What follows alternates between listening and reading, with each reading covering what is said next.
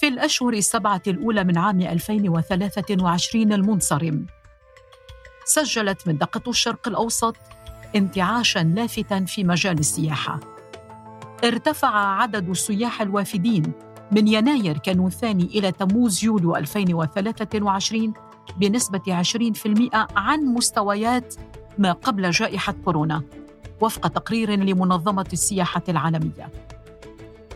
السابع من أكتوبر بداية الحرب بين غزة وإسرائيل تاريخ أربك السياحة في المنطقة. منذ اللحظات الأولى للحرب في غزة ترقبت مصر القريبة من بؤرة الأحداث احتمالية تأثر قطاع السياحة الذي يساهم بما يصل إلى 15% من الناتج الاقتصادي لمصر. في هذه الحلقة نشرح أهمية السياحة ودورها في إنعاش الاقتصاد المحلي في الدول الثلاث. ونتعرف على الميزات السياحية التي تستقطب مزاج السائح أو ابن البلد المغترب.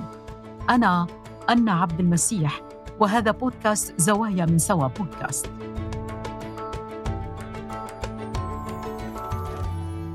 لم تكد السياحة في مصر والأردن ولبنان تتنافس الصعداء في الأشهر السبعة الأولى من عام 2023 أي بعد أزمة كورونا والأزمات الاقتصادية العالمية حتى ألقت الحرب بين غزة وإسرائيل تداعياتها على هذا القطاع الحيوي في الدول الثلاث.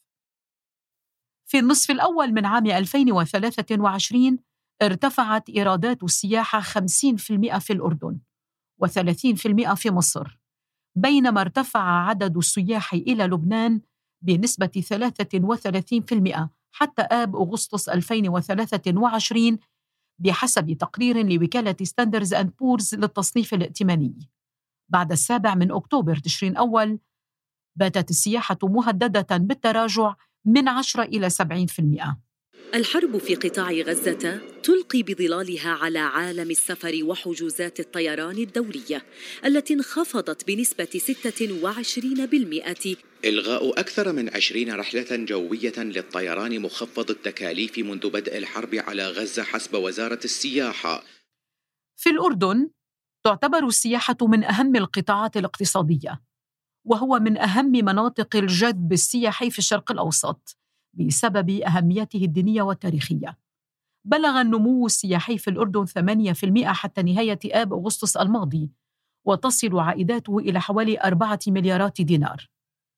كي نتعرف أكثر على أهمية القطاع السياحي الأردني سألت مراسلنا في عمان محمد السكر. الأردن يعتبر آه، وجهة للحج المسيحي في فترة الأعياد المسيحية في نهاية كل عام. آه، هنالك خمس مواقع آه، للحج المسيحي في الأردن. نتحدث عن منطقة المغطس في البحر الميت بالإضافة إلى جبل نبو ومنطقة مكاور في محافظة مادبة بالإضافة إلى كنيسة مار إلياس وكنيسة سيدة الجبل في محافظة عجلون. هذه المناطق كانت تعتبر وجهة للحج المسيحي واعترف بها من قبل قبل الفاتيكان للحجاج المسيحيين للقيام بحجهم نهاية كل عام وبالتالي فإن الأردن تأثر بشكل أساسي آه، بانقطاع آه، السياح القادمين من مناطق أمريكا الشمالية وأمريكا اللاتينية بالإضافة إلى غرب أوروبا والهند واليابان. تتسع ساحة المعارك في غزة فتتقلص أعداد السياح في الأردن إذ ألغت غالبية المجموعات القادمة من أمريكا وكندا وأوروبا حجوزاتها. نتحدث عن منطقة البتراء التي أكد العديد آه، من القائمين على السياحة هناك بأن حجم السياح انخفض بنسبة تزيد على 80% خلال الشهرين الماضيين. هذه المنطقة تحديدا يزورها سنويا ما لا يقل عن مليون ونصف المليون سائح. بالإضافة أيضا إلى المناطق الدافئة في السياحية الدافئة في جنوب الأردن. نتحدث هنا عن محافظة العقبة بالإضافة إلى وادي رم. هذا المثلث السياحي كما يسمى هنا في الأردن وادي رم محافظة العقبة. بالإضافة إلى منطقة البتراء. هذه المنطقة كانت تعتبر جاذبة في فصل الصيف لكنها أكثر جذبا في فترة آه، الشتاء لأنها مناطق معتدلة خلال فصل الشتاء وبالتالي جاذبة للسياحة القادمة من أوروبا الشرقية وروسيا. الآن هنالك احتمال كبير لدى العديد من المراقبين المختصين في مسألة السياحة يعتقدون بأن هذه المنطقة ستتأثر بسبب انخفاض آه، حجم السياحة الشتوية في الأردن. كشف وزير السياحة والآثار مكرم القيسي أن المؤسسة العامة للضمان الاجتماعي ستعمل على تأجيل القروض والفوائد للشركات المتعثرة في القطاع السياحي لمدة ستة أشهر إثر تداعيات العدوان على قطاع غزة. في مصر حصدت السياحة في النصف الأول من عام 2023 أكثر من سبعة ملايين سائح. أكد وزير السياحة والآثار أحمد عيسى أن شهر إبريل الماضي حقق أعلى نسبة استقبال في تاريخ السياحة المصرية. ولفت الوزير إلى أن توقعات الحركة السياحية الوافدة لمصر خلال العام الجاري تشير إلى تحقيق 15 مليون سائح. المناطق السياحية في مصر متعددة يقصدها السياح من كل أنحاء العالم للاستجمام وللتعرف على أهم الثقافات والمعالم التاريخية القديمة وتعتبر عاملاً في جذب العملات الأجنبية التي تحتاج إليها البلاد. وأشارت المجموعة في أحدث تقاريرها إلى أن إيرادات السياحة المتوقعة ومبيعات الأصول الحكومية ساهمت في تخفيف الضغوط على اقتصاد البلاد. تحدثت إلى الصحفي المتخصص في السياحة أشرف جداوي عن دور القطاع السياحي في تنمية الاقتصاد الوطني. تمثل السياحة من عصب الاقتصاد المصري آه، حوالي 12% آه، حجم إيراداتها بيمثل أيضا نسبه من 15 ل 17% بتتراوح الحجم بتاع الإيرادات بتاعتها المدخول السياحي بالنسبة للاقتصاد المصري. إن السياحة بتستطيع إن هي تجلب سلة العملات المختلفة لبلد زي مصر وهو بلد نامي.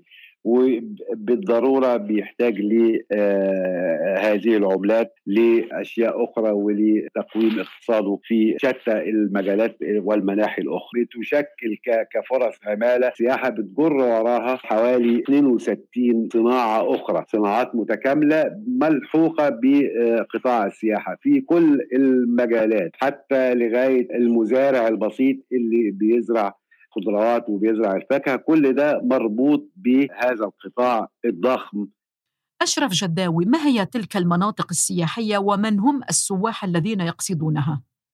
جنوب سيناء قطاع السياحة في جنوب طابة السياحية وطابة ونويبع ومدينة شرم الشيخ نعتبرها الآن في مصر هي ضرة تاج لقطاع السياحة والسفر المصري أيضا هناك منطقة منطقة راس سدر وهي بتحتوي على بعض العيون الكبريتية والآثار الفرعونية وأيضا الآثار الرومانية. أيضا هناك منطقة آه، سانت كاترين وجبل الطور. بما لها من تاريخ وآثار مهمة لدى آه، أصحاب كل الديانات الإسلامية والمسيحية واليهودية. منطقة سانت كاترين هي منطقة من أجمل آه، بقاع الدنيا آه، وبخاصة إن فيها هذا الجبل المقدس جبل الطور الذي ذكر في القرآن الكريم.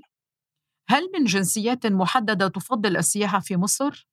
هي تظل السياحة الأوروبية هي بتمثل حوالي من 25 ل 30% من حجم عدد السياح اللي بيجي لمصر كل عام. بتستأثر ألمانيا وتيجي بعديها إنجلترا تيجي بعديها فرنسا تيجي بعديها وتيجي بعديها مجموعة الدول الإسكندنافية وإن كانت حركتها متواضعة تقريبا من 20 سنة. حركة السياحة أوروبا الشرقية لا نغفل بالتأكيد السياحة الروسية.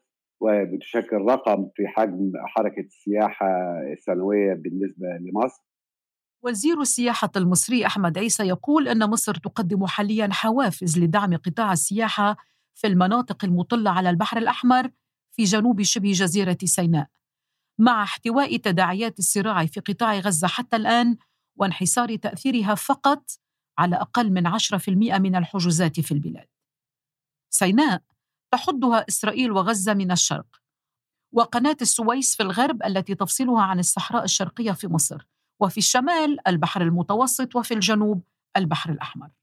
فالبعض من تجار السياحة بيؤثروا السلامة. بلاش آه، نشتغل في المنطقة دي لعل وعسى يحدث ما لا نرجوه وبالتالي ال 5% دول عملوا كانسليشن ولكن بقية الجروبات وبقية الأفواج ما زالت تترى زي ما هي وحتى الآن ما زالت الحركة مستمرة لمنطقة شرم الشيخ. ما زالت بشكل نقدر نقول بيمثل حوالي 85% من المتوقع. ما زالت الحركة مطمئنة تماما في جنوب الغردقة ومرسى علم. دول بيستقطبوا تقريبا نص الحركة القادمة من أوروبا. لم تمنع الأزمة المالية والاقتصادية لبنان من أن يشهد ازدهارا في قطاعه السياحي لموسم 2023 مع قدوم أعداد غفيرة من اللبنانيين لتمضية موسم الصيف في بلدهم بالإضافة إلى المئات من السياح العرب والأوروبيين الذين زاروا لبنان في شهري حزيران يونيو وتموز يوليو الماضيين.